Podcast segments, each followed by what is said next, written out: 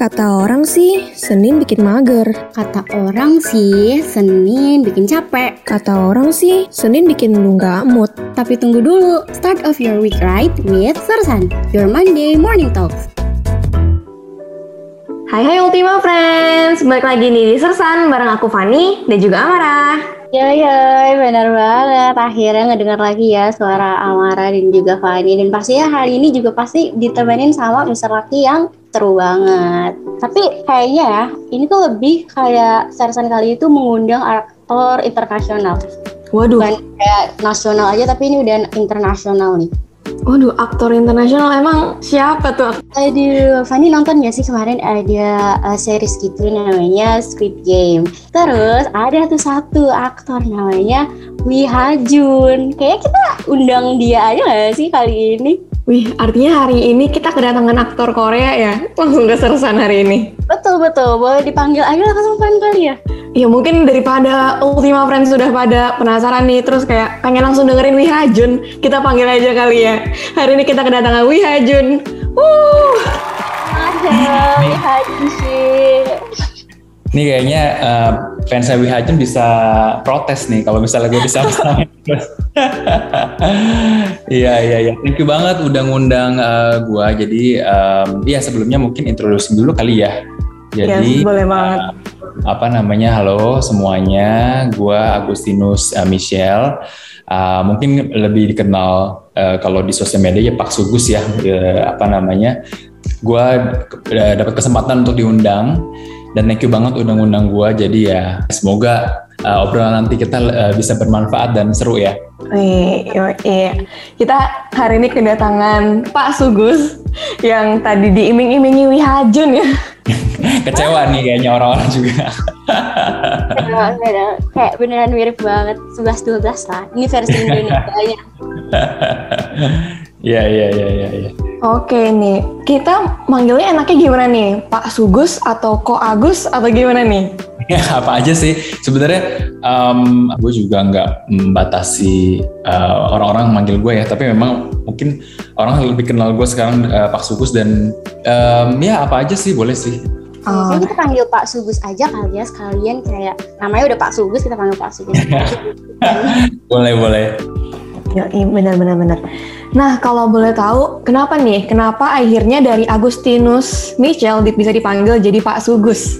Oke, iya jadi sebenarnya bahkan uh, Agustinus Michel Michel belakangnya pun juga bukan Michel harusnya Michael gitu sebenarnya karena suster yang dulu apa namanya bantuin lahiran nyokap gue tuh waktu tulis di akte dan tulis di itu tuh salah ketik jadi kurang A. Jadi Waduh. harusnya tuh Michael tapi jadi M I C H E L gitu. Tapi ya udahlah uh, udah sekarang nih udah lihat di apa itu agak-agak French gitu ya jadinya ya. Soalnya kalau dilihat di Prancis tuh banyak tuh pakai-pakai uh, Michael. Nah, Em, kalau Pak Sugus sendiri sebenarnya itu kan karena kan eh, istri gua kan memang kan dari awal udah leb- eh, udah duluan ya jadi content creator jadi dia em, kadang-kadang kan gue suka ada di videonya tuh terus eh, banyak juga orang yang singkatin nama eh, eh, suami itu Pak suami itu jadi Paksu gitu.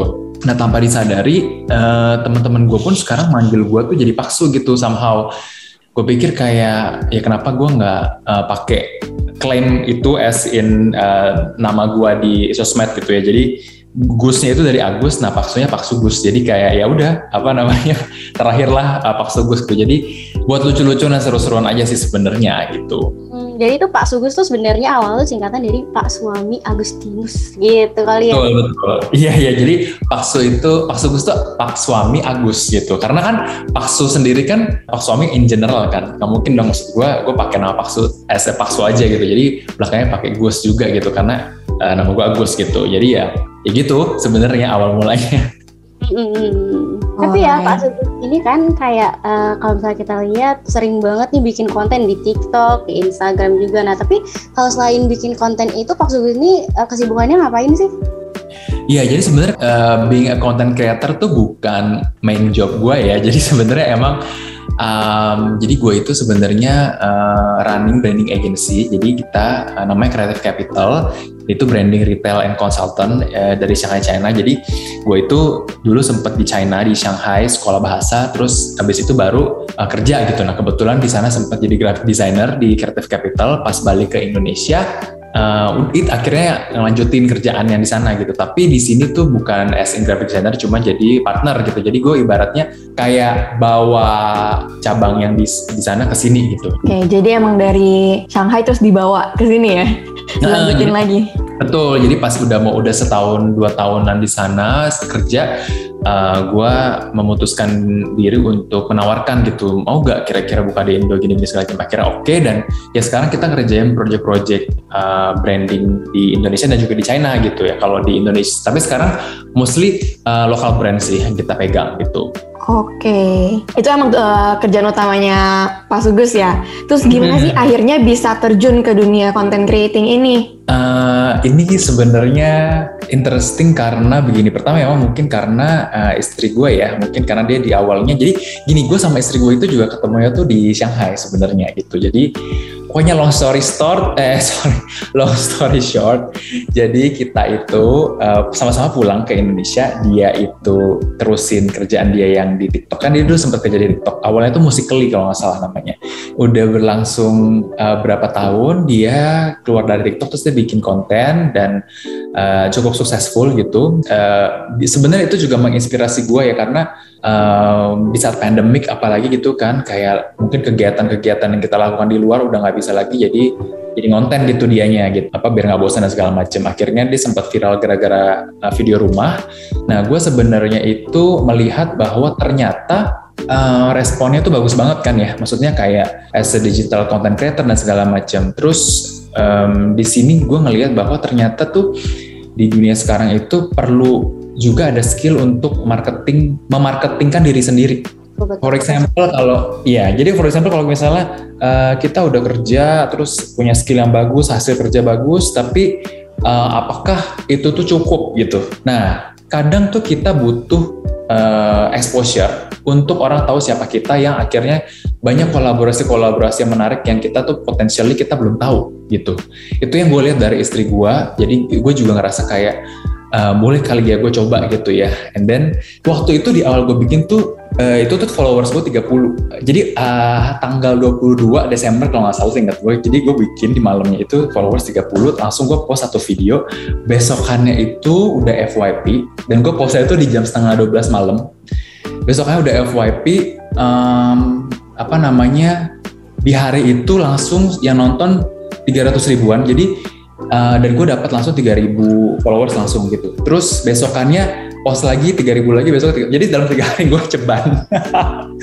Dalam tiga hari sepuluh ribu uh, ya kalau uh, ya gue nggak bilang uh, ya itu cukup impresif buat gue sih tapi kalau misalnya ya kayak Beyonce bikin satu belum ada video aja udah satu juta ya kan. Tapi kalau uh, gue kan siapa gitu kan. Cuman uh, itu cukup cukup uh, satu momen di mana gue kayak wah mungkin ini mesti diterusin kali ya. Ya udah udah. Bahkan even di minggu pertama atau minggu kedua gitu gue udah dapet tawar endorsement. Akhirnya ya sampai sekarang uh, ngejalanin itu tapi bukan as a full time full time ya jadi uh, full time tetap creative capital as a managing partner dan creative director tapi uh, ada selang sel ada seling selingan lah gitu untuk ngerjain content creation ini gitu ya yeah. oke okay. wah itu emang wow banget sih kalau misalnya di minggu pertama aja udah bisa dapet tiga hari pertama bahkan ya udah dapet sepuluh ribu followers sempet kaget juga sih tapi ya memang di saat kita udah dapat momennya itu yang mesti kita langsung pakai gitu oke oke dan sejauh ini yang aku lihat dari konten-kontennya Pak Sugus ya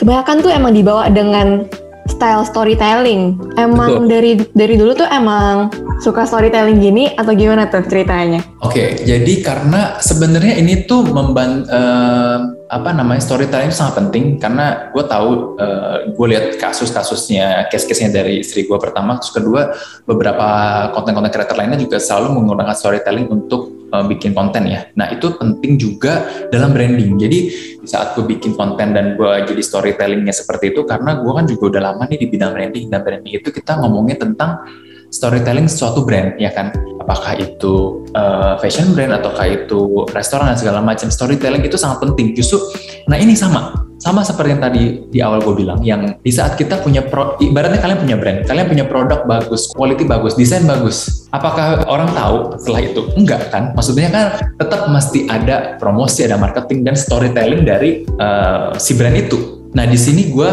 punya mungkin ada bekal gitu ya dari experience gue di di branding consultant yang akhirnya gue salurkan ke content creation gitu. Plus uh, sama dengan pada saat kita endorsement. Jadi gue tuh suka gitu um, melihat uh, kayak kalau terakhir endorsement uh, Adidas gitu ya. Jadi gue udah lihat gitu dia tuh tipenya brandnya seperti apa, image seperti apa dan content creation yang kita mau buat tuh harus gimana gitu. Karena kita juga as a content creator yang di endorse itu kita juga harus mengerti DNA dari brandnya supaya pada saat kita bikin uh, suatu konten itu tuh berasa gitu. Dari even dari cara editing dan segala macam bahkan uh, kadang gue bisa uh, pikirin tone warna dari baju gue masker segala macam yang gue sama-samain sama produk uh, yang akan di endorse gitu. Jadi um, ini yang sebenarnya sangat interesting dan gue suka apply gitu. Karena mungkin gue udah udah lama di branding dan juga udah ngerti itu ya secara image dan segala macam. Pada saat endorsement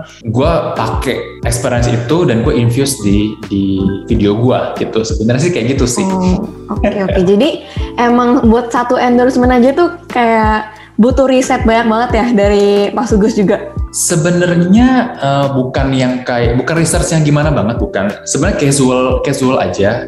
Tapi gue tuh suka suka udah ada feeling gitu loh. Pada saat udah lihat produknya, pada saat gue lihat brief, gue udah ada punya feeling. Oh, uh, kayaknya gue bisa bikin begini nih gitu. Jadi udah udah kepikiran sendiri aja secara uh, unconsciously ya gitu. Jadi gue Uh, kebiasaan aja, kebiasaan bikin brand orang. Jadi pada saat di endorse itu gue jadi udah kayak cara pemikiran gue tuh kayak gue lagi bikin ya branding aja gitu sebenarnya. Karena basically kan kalau dilihat-lihat apa sih gunanya kita uh, produk endorse kita atau misalnya apa sih gunanya promosi, marketing dan lain-lain itu kan sebenarnya core-nya itu kan branding dulu gitu. Jadi di sini uh, apa namanya mungkin experience branding gue di konsultan cukup membantu dalam pembuatan uh, konten konten gue gitu.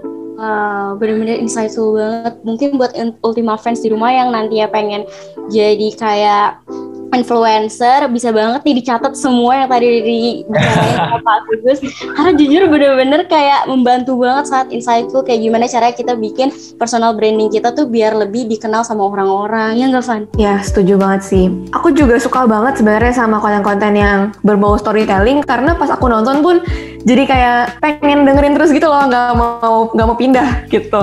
Hmm, karena sebenarnya yang bikin kita FYP di TikTok kan bagaimana orang tuh nonton video kita sampai habis. Nah kalau misalnya dari storytelling itu orang lebih gampang attract untuk nonton sampai habisnya di situ gitu. Jadi ya pas pentingnya storytelling seperti itu dan sebenarnya ya banyak brand-brand juga yang udah maunya itu soft selling gitu. Oke oke dan gimana sih kalau dari Pak Sugus tips untuk membuat suatu storytelling itu gak, gak garing gitu? Bisa bikin interesting dan orang-orang tuh bakal tertarik terus buat dengerin sampai akhir. Ya sebenarnya sih yang penting be yourself aja. Yang paling utama itu ya uh, menjadi diri sendiri sih. Itu udah kunci utama. Jadi jangan jangan berusaha untuk menjadi orang lain. Dan uh, ibaratnya memang kita di saat kita yang bikin story story storytelling di di konten itu ya uh, based on personality kita aja gitu ya. Jadi bagaimana kita misalnya mau uh, ngejokes atau misalnya dari gaya kita berbicara dan lain-lain itu itu sebenarnya penting pertama itu be yourself kedua itu um, ini. Jadi mesti tahu juga uh, audiens kita itu maunya liatnya apa dan mau denger apa gitu. Dan kalau misalnya dari gua memang uh, udah kelihatan gitu ya dari beberapa video kita bisa men menganalisa oh uh, audiens kita nih sukanya tuh yang kayak gini dan banyak di komen seperti ini. Jadi sebenarnya uh, even di awal-awal itu uh, bahkan karena gue juga suka K-pop gitu ya jadi basicnya jadi gue selalu pakai konten konten gue pakai lagu K-pop itu sebenarnya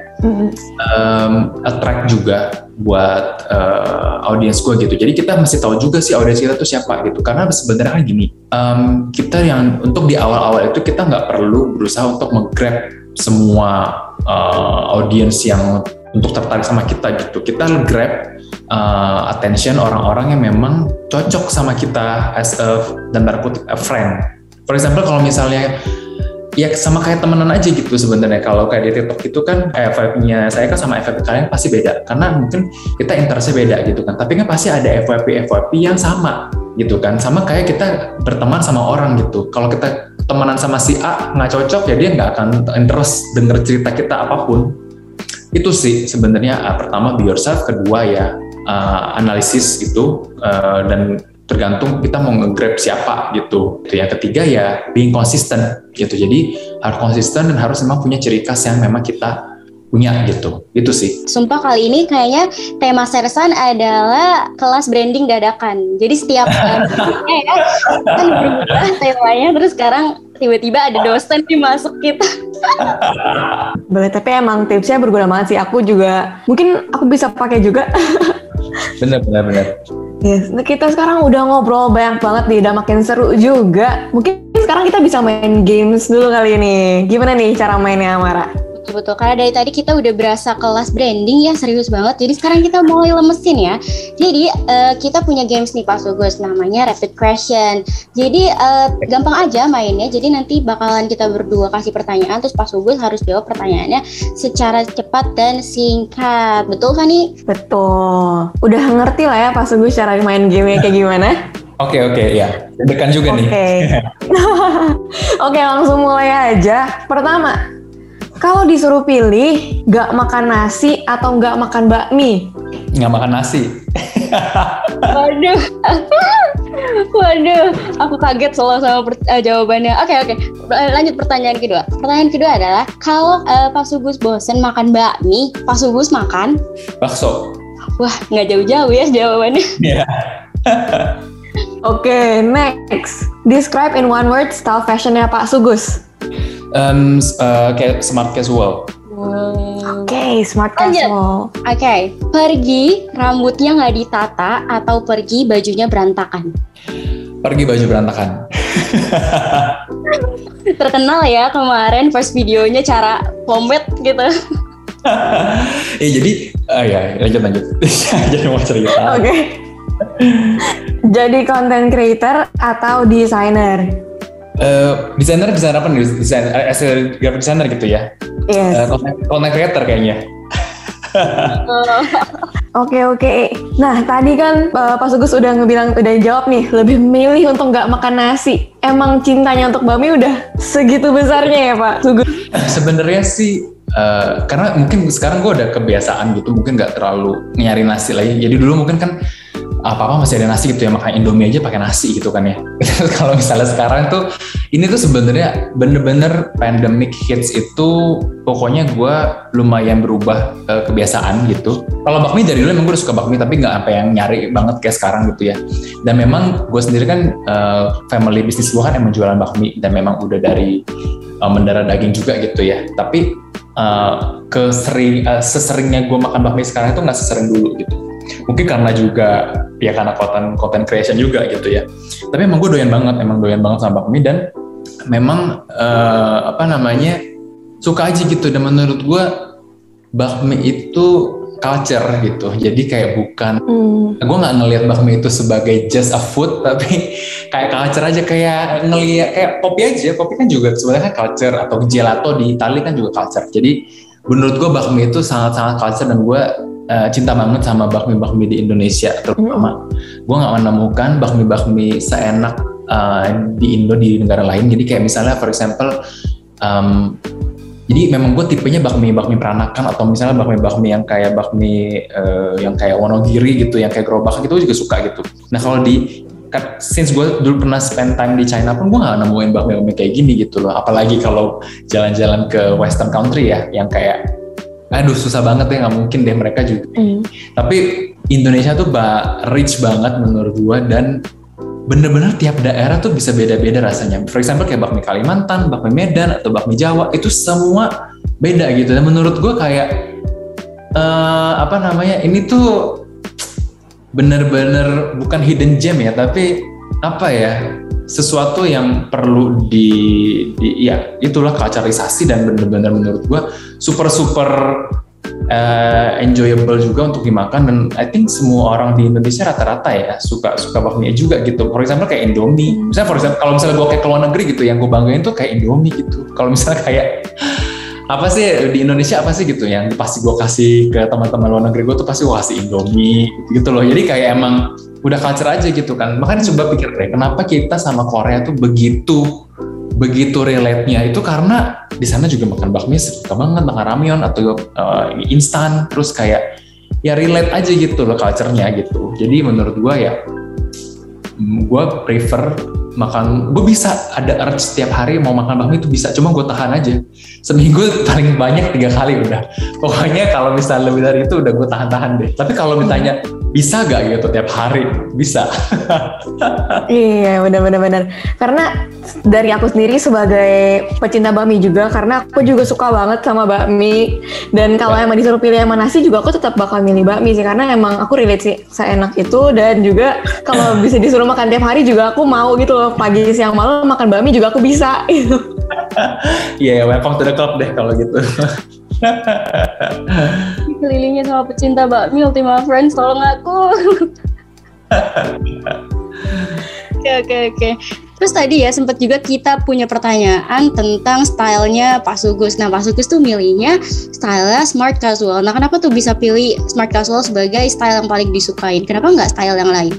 Karena uh, itu based on personal preference choice juga ya. Kalau smart casual itu memang um, emang cocok di gua karena memang gue suka aja yang rapi-rapi gitu. Plus kalau misalnya street style itu nggak nggak masuk di gue dan emang bukan personality gue aja. Kalau misalnya kayak apakah gue akan one day coba dan segala macam ya mungkin, tapi secara overall uh, apa namanya preference gitu gue akan cari uh, gue banyak banget baju-baju gue tuh sebenarnya basic gitu tapi uh, yang gue bisa gampang buat uh, matchingin gitu loh kalau misalnya secara uh, apa namanya color gitu gue banyak juga pakai uh, color warna hijau. Jadi hijau terus bahkan uh, bakmi yang gue jual kan juga hijau tuh.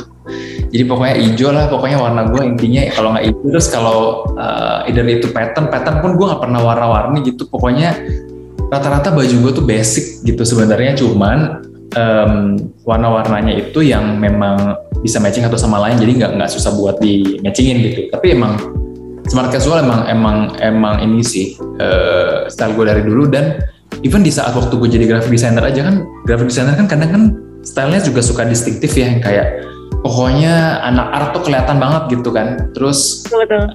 uh, iya kan pasti kan kayak gitu tuh. Nah gue tuh dari dulu gue udah even tas gue tas yang biasa gue bawa ke kantor tuh udah tas tenteng laptop yang kayak emang hmm. bisnis and oriented gitu. Jadi emang gue rasa uh, unconsciously gue suka uh, membuat diri gue tuh seolah-olah sebelum gue menjadi orang itu. Misalnya jadi gue suka pakai uh, gue suka pakai prinsip fake it until you make it gitu. Jadi even gue belum jadi businessman pun gue udah uh, berusaha untuk pakai hal-hal yang menurut gue ini tuh businessman gitu. Yang sampai akhirnya kesampaian gitu. Jadi uh, ini tuh nanti tuh uh, bikin law of uh, law of attraction buat universe-nya kalian gitu. Jadi kayak dengan dengan gue pakai begitu orang jadi that's why mungkin uh, bos gue waktu itu pas gue nawarin gue buka cabang di sini langsung yes nggak pakai pikir panjang gue juga kaget gitu kan mungkin itu bisa juga dari cara pembawaan gue atau cara baju, uh, pakaian gue gitu bisnismen. Karena kan uh, kalau gue as uh, kreatif kelihatannya mungkin gue kreatif uh, person aja gitu. Di saat gue bilang kamu buka bisnis mungkin mereka kan agak mikir-mikir gitu for example ya. Tapi karena mungkin gue bawaannya pun udah begitu walaupun gue graphic designer tapi gue bawaannya businessman ya mungkin dia uh, jadi punya punya pandangan maybe gitu possible gitu. Jadi ya pretty much sih begitu sih kira-kira jadi emang udah kayak bawaannya aja lah ya, karena nggak sengaja juga kayak suka karena suka juga, jadi emang kebawaannya pakai pakaiannya seperti itu. Iya, jadi ya, ya, gue rasa sih kalau untuk style sih eh, tiap orang beda ya. Kalau misalnya ditanya kenapa itu kayaknya ya, I think it's personal choice dan match sama personality-nya kalian juga gitu. Oke. Okay. Wah, bener-bener pembahasan kali ini sangat amat berguna banget nih buat Ultima Fans mungkin yang ke depannya mau punya personal branding sendiri atau mungkin nanti kita kerjanya mau di brandingan.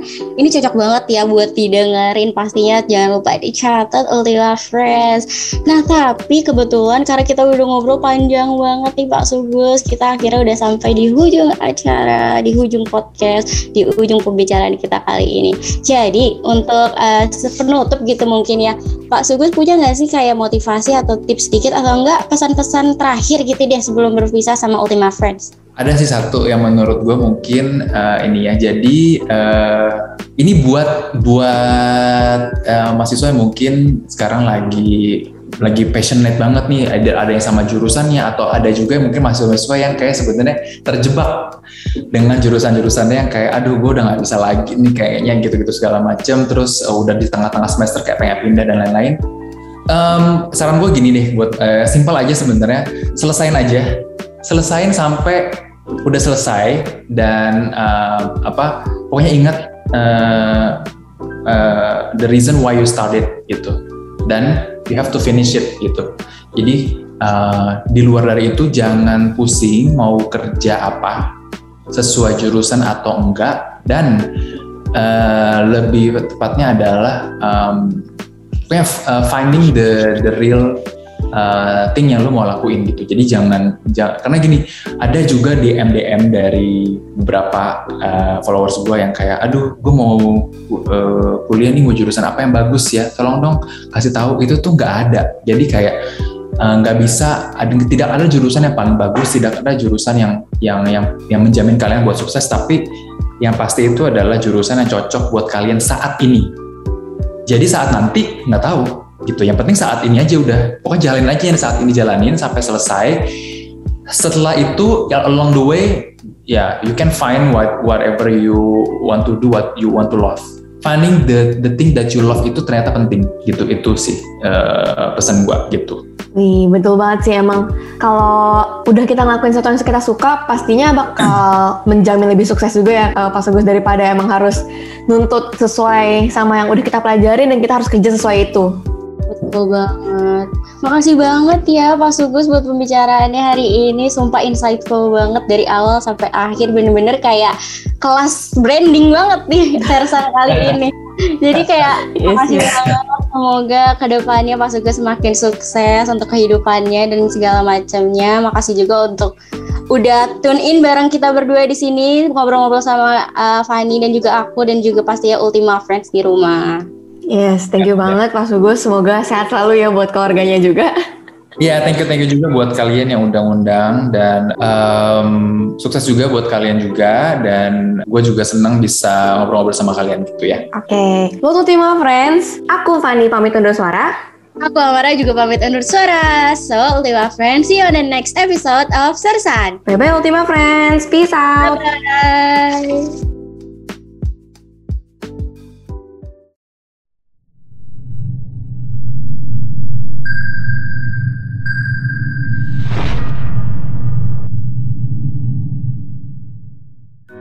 Kata orang sih, Senin bikin mager. Kata orang sih, Senin bikin capek. Kata orang sih, Senin bikin lu nggak mood. Tapi tunggu dulu, start of your week right with Sersan, your Monday morning talks.